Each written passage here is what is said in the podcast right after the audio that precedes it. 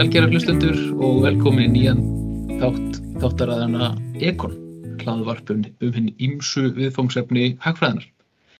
Ég er þáttastjórnandi ykkar Emil Dagsson. Í þessum þætti verður fjallað um nýjan mælikvarða á efnahagsleiri velferð fyrir Ísland. Mælikvarðin sem er almennt notar í dag fyrir efnahagsleiri velferðir, hagvöxtur, en það er orð yfir breytingu á vergri þjóðarframlegslu milli ára. Nýmælikvarðin sem verður fjallað um hér á eftir horfður til fleiri þátta en hagvöxtur og gera einhverjum sem sagt ráð fyrir umhverfisáhrifum. Slíkur mælikvarði heitur ennsku Genuine Progress Indicator en á íslensku einfallega framfara stuðl. Til ræðin þetta er komin hann David Cook, nýdoktor og lektor í umhverfis og auðlundafræði við Háskóli Íslands.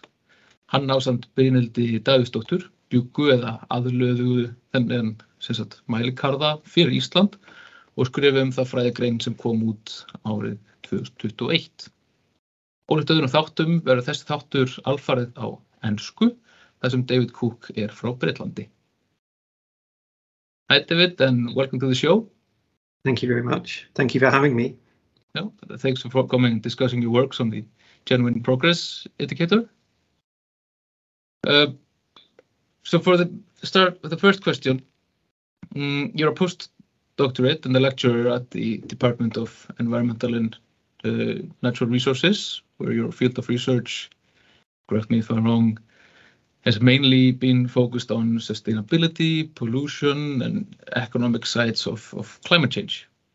What drove you and Davíðsdóttir to create or adjust the Genuine Progress Indicator, or GPI, for Iceland? Yes, sure. So um, I am a postdoctoral researcher, um, part of the Faculty of Economics here at the University of Iceland, and also a lecturer in environmental economics. And over the last um, two to three years, most of my research is focused on a project called Sustainable Economic Development for Iceland. Um, and it has focused on a few issues. Yes, climate change to a degree, but it's focused mostly on the topic of economic well-being, um, indicators of measurement in relation to that, and also sustainable energy development. And over sort of the lifespan of this project, the topic of the well-being economy has become one of the main objectives of the Icelandic coalition government. Um, I would say they're probably one of the leading members of what's called the WEGo partnership. That's a small coalition of governments that are trying to place economic well-being rather than just simply the size of economic activity as the primary goal of policymakers. Um, so coming to why we actually focus on the genuine progress indicator for Iceland, if you look at the United Nations Sustainable Development Goals, um, this is something that has been recognized, not, not specifically the genuine progress indicator, but a need to develop complementary measures of economic progress to GDP or gross domestic product. So if you look into the goals and the targets of the SDGs, the Sustainable Development Goals, you'll see something of a sort of a contradictory set of objectives in there. So you can look at goal seven, which has a target for nations to maintain rates of economic growth in line with national specificities. So obviously growth focused, GDP focused. But we can also look at the final target of the Sustainable Development Goals, which is number 19 of Goal 17. And this says that we need to embrace complementary measures of progress um, to gross domestic product. So it's kind of almost a contradiction or recognizing that we need to go a bit further in terms of actually uh, measuring economic progress, ways that go beyond some of the shortcomings of gross domestic product that I'm sure we'll get onto. So um, in some ways, Iceland is actually doing this through well-being economy indicators. It has its set of 39 indicators that it adopted a couple of years ago, which are largely quantitative measures of progress, uh, especially of issues to do with sustainability. But on the other hand, um, these indicators don't provide any sort of monetary assessment of progress that goes beyond the shortcomings of GDP. So that's where alternative measures of economic well-being come in on the macro scale. The genuine progress indicator is one. there are many others. There's the Genuine Savings Index before that, was the measure of economic welfare. There's the Inclusive Wealth Index, and so on. There are countless actual examples of alternative measures of economic welfare. We choose to focus, though, on the Genuine Progress Indicator because it is, in our view, the most comprehensive measure of progress in terms of its scope. Mm -hmm. Yeah, you maybe answered already answered my second question, which is on like why countries should look to the GPI instead of the GDP. Well, I uh -huh. which you kind of got into, which is which is. Well, I mean, I can I can maybe provide a bit more detail yeah, sure. in that regard because I mean, really, to understand this, you have to to um, understand some of the history of the gross domestic product as an indicator, uh, why it was used, what it is used for, and then begin to understand its weaknesses and shortcomings. So, um, gross domestic product, it was first developed by uh, an American economist called Simon Kuznets in the period after the Great Depression from about 1929 to 1935, and he was focused on the American economy. Um, but it became a more standardized and widely adopted measure in the period after World War II. Uh, so this actually made a lot of sense at the time because after World War II, we had the Marshall Plan, which was the program for rebuilding the world after the damage of World War II.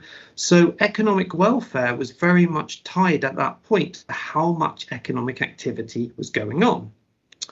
Then it started to become more standardized through the publication of something called the System of National Accounts. Uh, that was in, I think it was in 1953, and this has been revised over time. It's now a vast 700 page or so manual on how to record and aggregate economic activities. Um, if you look at GDP today, there are GDP figures published for, I think, 200 of the world's nations. Almost everyone is in the United Nations statistical databases and reporting GDP, at least on an annual basis. And then this data is then uh, further used by organizations such as the OECD, the European Commission, um, other organizations as well, the IMF. Um, and then you have geopolitical bodies, um, for instance, the G7, the G20, and these are actually organized on the basis of a nation's GDP ranking. You then have the usage of GDP data by economists, both in academic research and modelers in the formation of uh, projections about how economies will go in the future.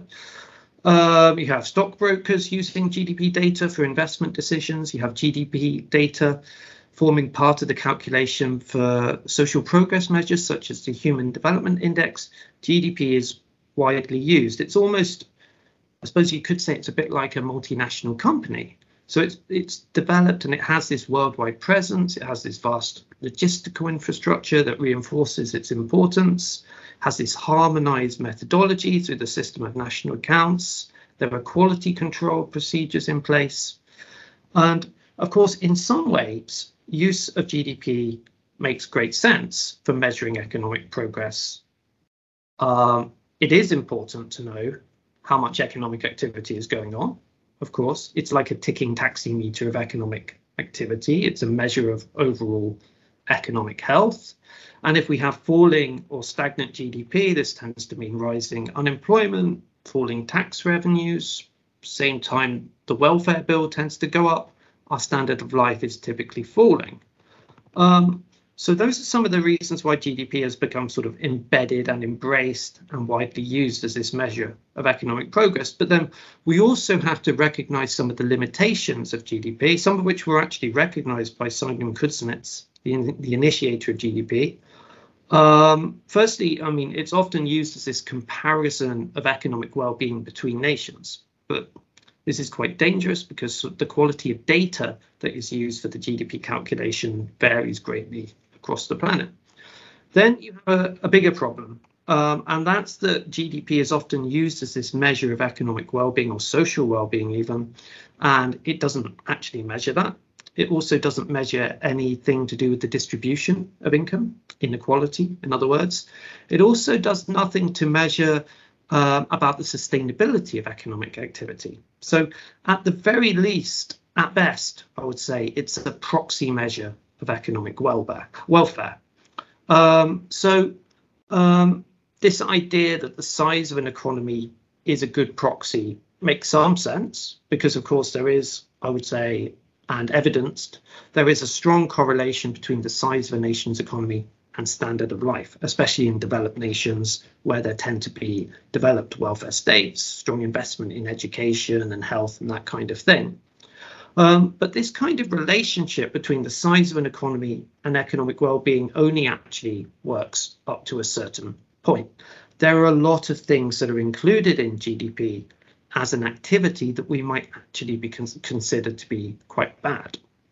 So if, for instance, there's a pollution event, let's say there's an oil spill on an Icelandic beach somewhere, then that economic activity that led to the oil spill, that counts in GDP as a positive, and so do the costs of the cleanup.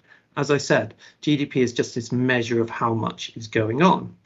If a nation is sustaining its economic activities by exporting arms and munitions, then that's considered to be a credit, not a debit in GDP. If a nation's economy is heavily reliant on the use of fossil fuels, then those economic activities are also positives in GDP. So many people, including economists actually, would say we should be considering quite carefully about whether economic activities are really contributing to our welfare, or are they actually, to some extent at least, undermining it? Um, what's more, there are activities that actually contribute to our well-being that are not picked up by GDP are not represented by market transactions. So things like the value of work that we do in our home, our leisure time, our voluntary work, uh, the contribution of nature through ecosystem services to our well-being, and so on. There are many things that have no market transaction linked to them that are not picked up as an activity in GDP. So based on all of that, you can come to the conclusion that yes, we need GDP as this measure of activity, but we also need, in addition, not as necessarily as a replacement to GDP, but in addition, we need these complementary measures of progress, such as the genuine progress indicator that seek to correct for some of those flaws and anomalies. So, as I understand it, the GPI is calculated using utility or utility functions uh, there are some activities, as you pointed out before, that increases utility and therefore the GPI, and then there are some actions that contribute to this so-called disutility. Mm-hmm. Uh, and then therefore uh, those activities decrease the GPI. So can you maybe tell me a bit about what is considered good utility and what is considered mm-hmm. disutility or bad utility? Sure. Well, let me just um, maybe in more detail explain the methodology that underpins the genuine progress indicator. So, sure. um, as you said, the, the GPI recognizes that there are certain market-based activities that give us utility benefits, and there are those that cause us some harm or what we could call disutility. And over the years, there have been different approaches to calculating the GPI. But we use in, in the Icelandic study, we use something called the GPI 2 method that was first published in the year 2017 by Talberth and Weisdorf. And this has three core components that are then aggregated. So the first core component is the utility that is gained from goods and services. So it starts from the assumption that all consumption is good for us. So the aggregate consumption value from gross domestic product is taken. Normally, this constitutes about 60 to 65% of the total value of GDP, roughly.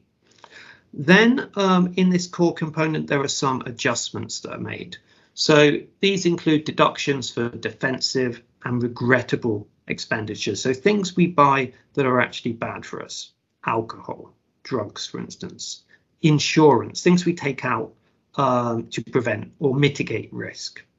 Then makes a further adjustment for income inequality uh, with reference to the Gini coefficient. It then adds in investments in public service provisions such as healthcare and education. So that's the first core component. Uh, we then have a second core component, which is an aggregation of the utility benefits that we get from essential capital stocks in a nation.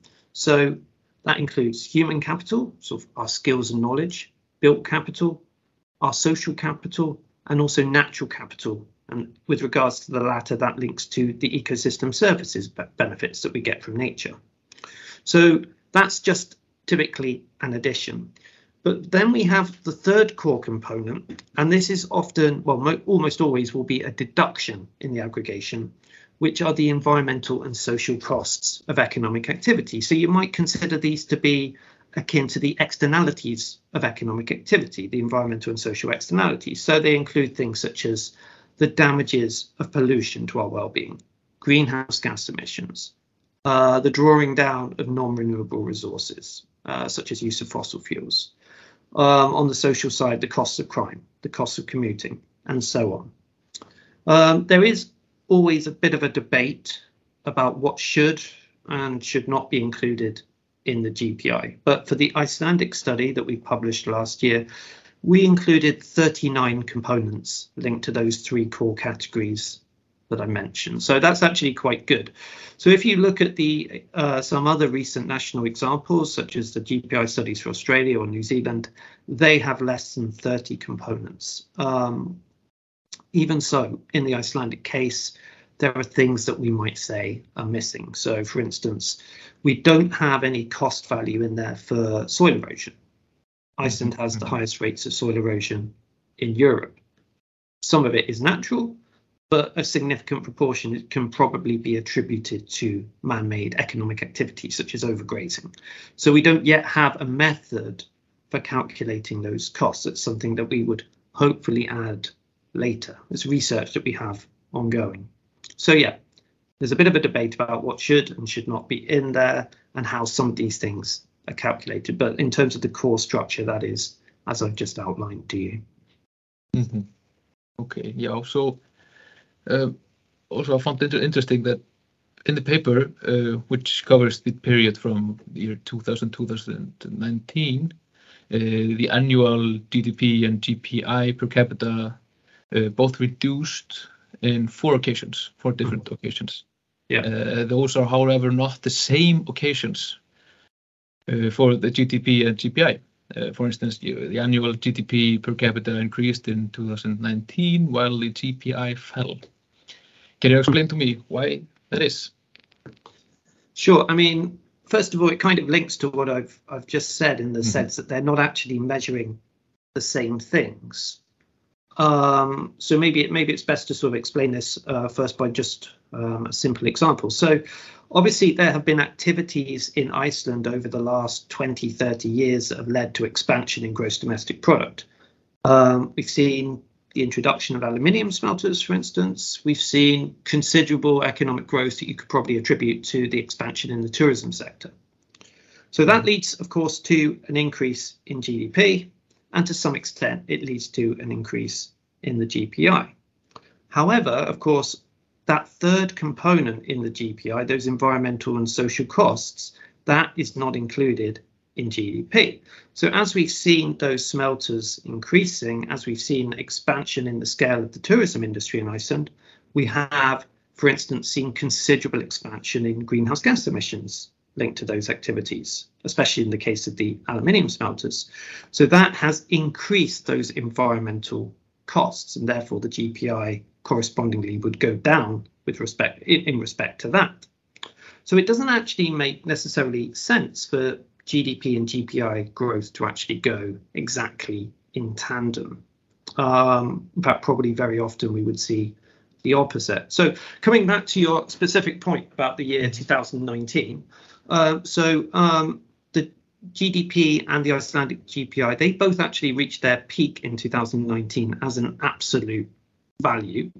Uh, but it was indeed the, the per, cap per, capita statistics that varied. So mm-hmm. GDP per capita, I think, was highest in 2019, um, but for the GPI, it was the year before. And um, the main reason the GPI per capita was slightly lower in 2019 than 2018 was because there was an increase in environmental and social costs in 2019, most of which could be attributed to increased costs of commuting in 2019 compared to 2018. Um, the difference, though, between 2019 and 2018 per capita was not actually very large at all. It was just a tiny reduction. Mm -hmm. And as I say, the GPI overall still increased in 2019 compared mm -hmm. to 2018. Okay, okay, I see. So, but what about because the this the, the time of the, uh, the time so 2008 and 2009 are mm -hmm. both in the period you're analyzing. Uh, the big years for GDP, of course, and the GPI. Uh, how do these two measurements like differ in measuring the turbulence at that time? Yeah, so th this is actually quite interesting because um, the turbulent effects of that economic crisis are actually uh, both showing up in GDP and the GPI, but to a more significant extent in GDP. So for reasons which I will um, try and briefly explain. So obviously the 2008 financial collapse, the banking crisis was a huge event in Iceland and the ramifications were felt for several years. Um, our assessment in this study is based on the period 2000 to 2019. So if we first of all just look at the period 2000 to 2007 and we look at GDP, that increased year on year, no economic contraction at all. Then there's the banking crisis. So GDP declined in 2008, 2009 and 2010. And overall, by 2010, it had declined by just over 10%. What's interesting is that it didn't actually then recover until its 2008 level in real price, in real terms, until 2015. So really, it was a seven-year hit that the Icelandic economy experienced. And it was only really when the nation's tourism boom was in full swing that you got back to the economic level that you were at in 2008. So that's how uh, the GDP picture played out. Now, if you look at the GPI, its pattern was quite similar, but not so severe. So if we look first of all again at the GPI from the period 2000 up until 2008, it also increased year on year. Then we had this decline in 2009 of about 7% and it only returned to its 2008 level in real terms in 2013. But remember that it, the GDP statistic only re returned to its previous level in 2015. So that was two years sooner in the case of the GPI.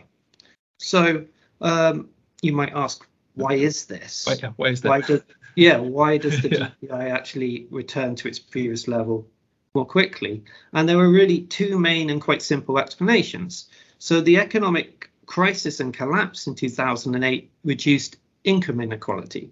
So that deduction that I've just I mentioned uh, in, in relation to the first core component of the GPI, that deduction for income inequality actually reduced.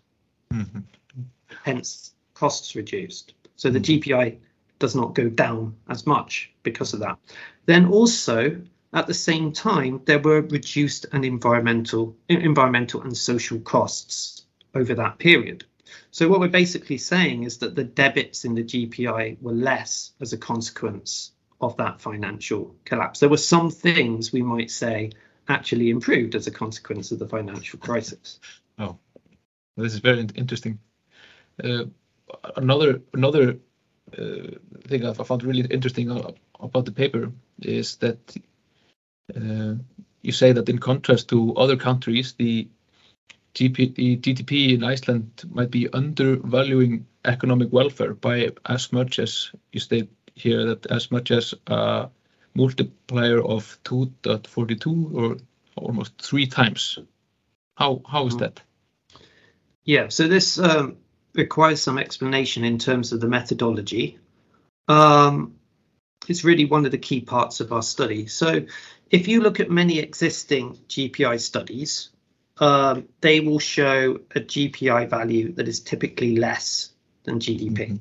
Mm -hmm. That's because of these, mostly because of these environmental and social costs. But we were basing our GPI study on this version two method, the one by Talberth and Weisdorf. And this includes the value of ecosystem services. So this is what is typic has typically been omitted from earlier GPI studies. And um, this makes an absolutely critical difference to the outcome. So What, We- what is that exactly? Sorry. Um, so just to put just to put that into some sort of context, Mhm. um, we have conducted another study in which we estimate the value of Iceland's ecosystem services using something called the benefit transfer method. It is Mhm, admittedly a fairly crude method for approximating the economic value of Iceland's ecosystem services. Mhm. And what we find is that this value, even though we omit many ecosystem services, such as the cultural dimension of ecosystem services, we find that this value is equal to approximately 108% of Iceland's GDP in the year 2019.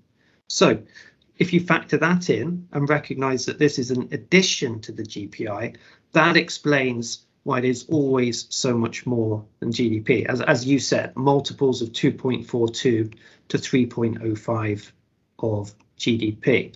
Um, but actually, this to some extent can obscure other key outcomes from the study. So when people see that the GPI is higher than GDP, they might think Iceland is actually doing fantastically in terms of its economic welfare.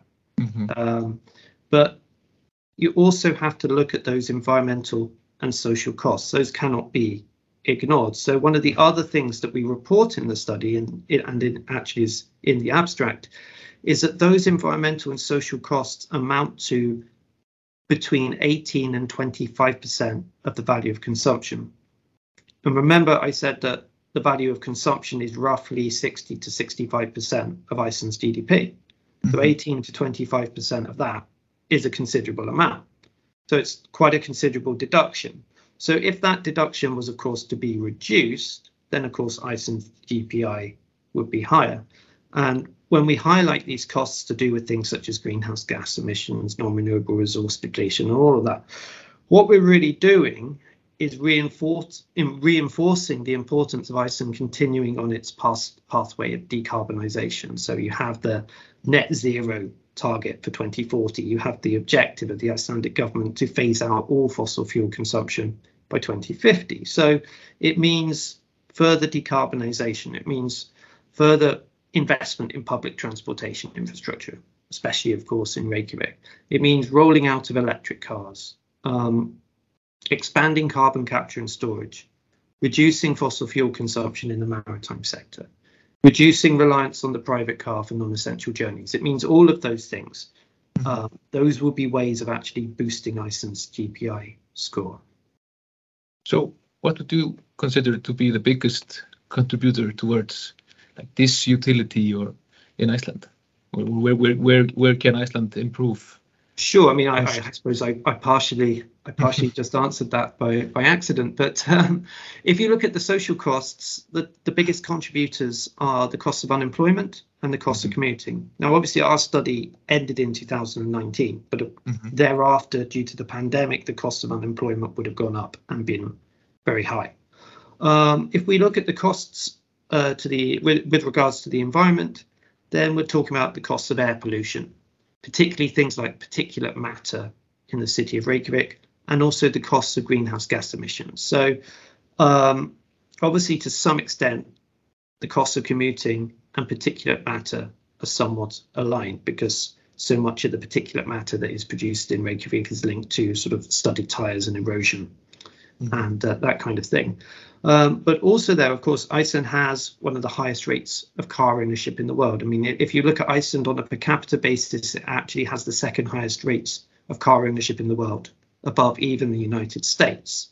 Oh, So okay. that so despite the increase in sort of purchases of electric vehicles, hybrid vehicles, much of that existing car fleet is quite intensive in terms of fossil fuel consumption. It's going to be around for quite a, a few years yet. So there are there are challenges there to be overcome, ways ways of actually reducing Iceland's environmental costs that would boost the GPI. So the GPI is, as you pointed out earlier, is a part of the uh, United Nations Sustainable Development Goals, and is being implemented globally, to my understanding. So, uh, to your knowledge, uh, is there any work being done here in Iceland now to implement this measure, uh, use to in, like using it for public policy, for instance? Mhm. Well, well, just to just to add one thing on what you said, I mean, the GPI has been conducted, and I think about 55, 60 countries. Mm-hmm. admittedly, that has been mostly the developed nations. Mm-hmm. Uh, there have been far fewer studies in the developing context. Um, but um, with regards to Iceland, um, as far as I know, there are no efforts currently being made in Iceland to implement the genuine progress indicator. But this is quite interesting um, because if you remember back to the um, last election, which wasn't so many months ago in Iceland, there was quite a bit of talk going about how going on about how Iceland needed to develop alternative measures of economic progress to GDP. So this has actually been a part of the Icelandic discourse for quite a while. You can go back to a, do- a government policy document called Iceland 2020. It was published about a decade ago. And in that, there was an objective that was set that was uh, for Iceland's genuine progress indicator to always remain on a level with growth in GDP. That's quite interesting because it implies that you actually have to calculate it in order to know this. yeah, um, but but nothing was done in the period thereafter. Oh. So um, I would say, I mean, that there is there is a need for this to be done.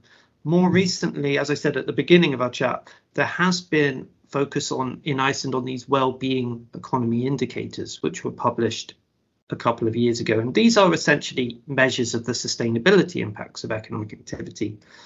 But um, they don't provide this alternative me aggregate measure of progress in monetary terms um, that corrects for the shortcoming of GDP. So hopefully, maybe based on this pilot study of the GPI for Iceland, it could be uh, used. And it would also be very interesting to look into some of the impacts in the GPI of the of the pandemic in the years 2020 and 2021. Yes, it would would be, and hope, hopefully, hopefully we can uh, start measuring this regularly and making it as a part of of public policy here in Iceland. So, thank you for coming on the show. Uh, maybe and and discussing this your paper on the GPI. Uh, just a short question to finish. What's what's next for you, David? Okay, well, thank you again for having me. Uh, so my postdoctoral research project, it, it continues. Uh, so part of my recent work is involved looking at um, some of the conceptual consists, consistency between the well-being economy as a sort of a theoretical construct and actually how this is playing out in terms of the indicators that are selected for well-being economy evaluation. So I've been looking at the well-being economy sets of some of the vanguard nations in this regard. So Iceland, Scotland, New Zealand, and I've been looking at the extent to which those indicator sets actually really represent the concept. Um, so that work is ongoing. And then, as I just said, another task that I hope to commence in the period sort of September to up to the Christmas time is to actually look at the impacts of the COVID pandemic and how that affected both Iceland's GDP. Of course, we know that contracted, but how did it also affect Iceland's GPI? So at the very least, I would say that it's probably possible to do this for 2020. Sometimes there was time lags on things like environmental data that might prevent um, a 2021 assessment at this point. And it's it's going to be very interesting to see how Iceland's GPI actually reacts to that crisis. So at the time to sort of offset some of the uh, the contraction in consumption, the government were investing considerably in sort of the public provision of services and education. So would that be sufficient to offset some of the some of the contraction? Um, then we have the question were environmental and social costs actually reduced due to the need to be home much more than usual? Did the cost of commuting reduce, for instance? Um, was in, income inequality down, as was the case after the 2008 financial collapse? So these are all interesting things um, for me to explore. And as far as I'm aware, nobody to date has actually looked into the impacts of the COVID 19 pandemic on an alternative measure of economic welfare. So it would be maybe unique in that regard. That's very interesting. I'm looking forward to seeing your results in the future on these topics. So thank you again, and thank you, listener, for listening.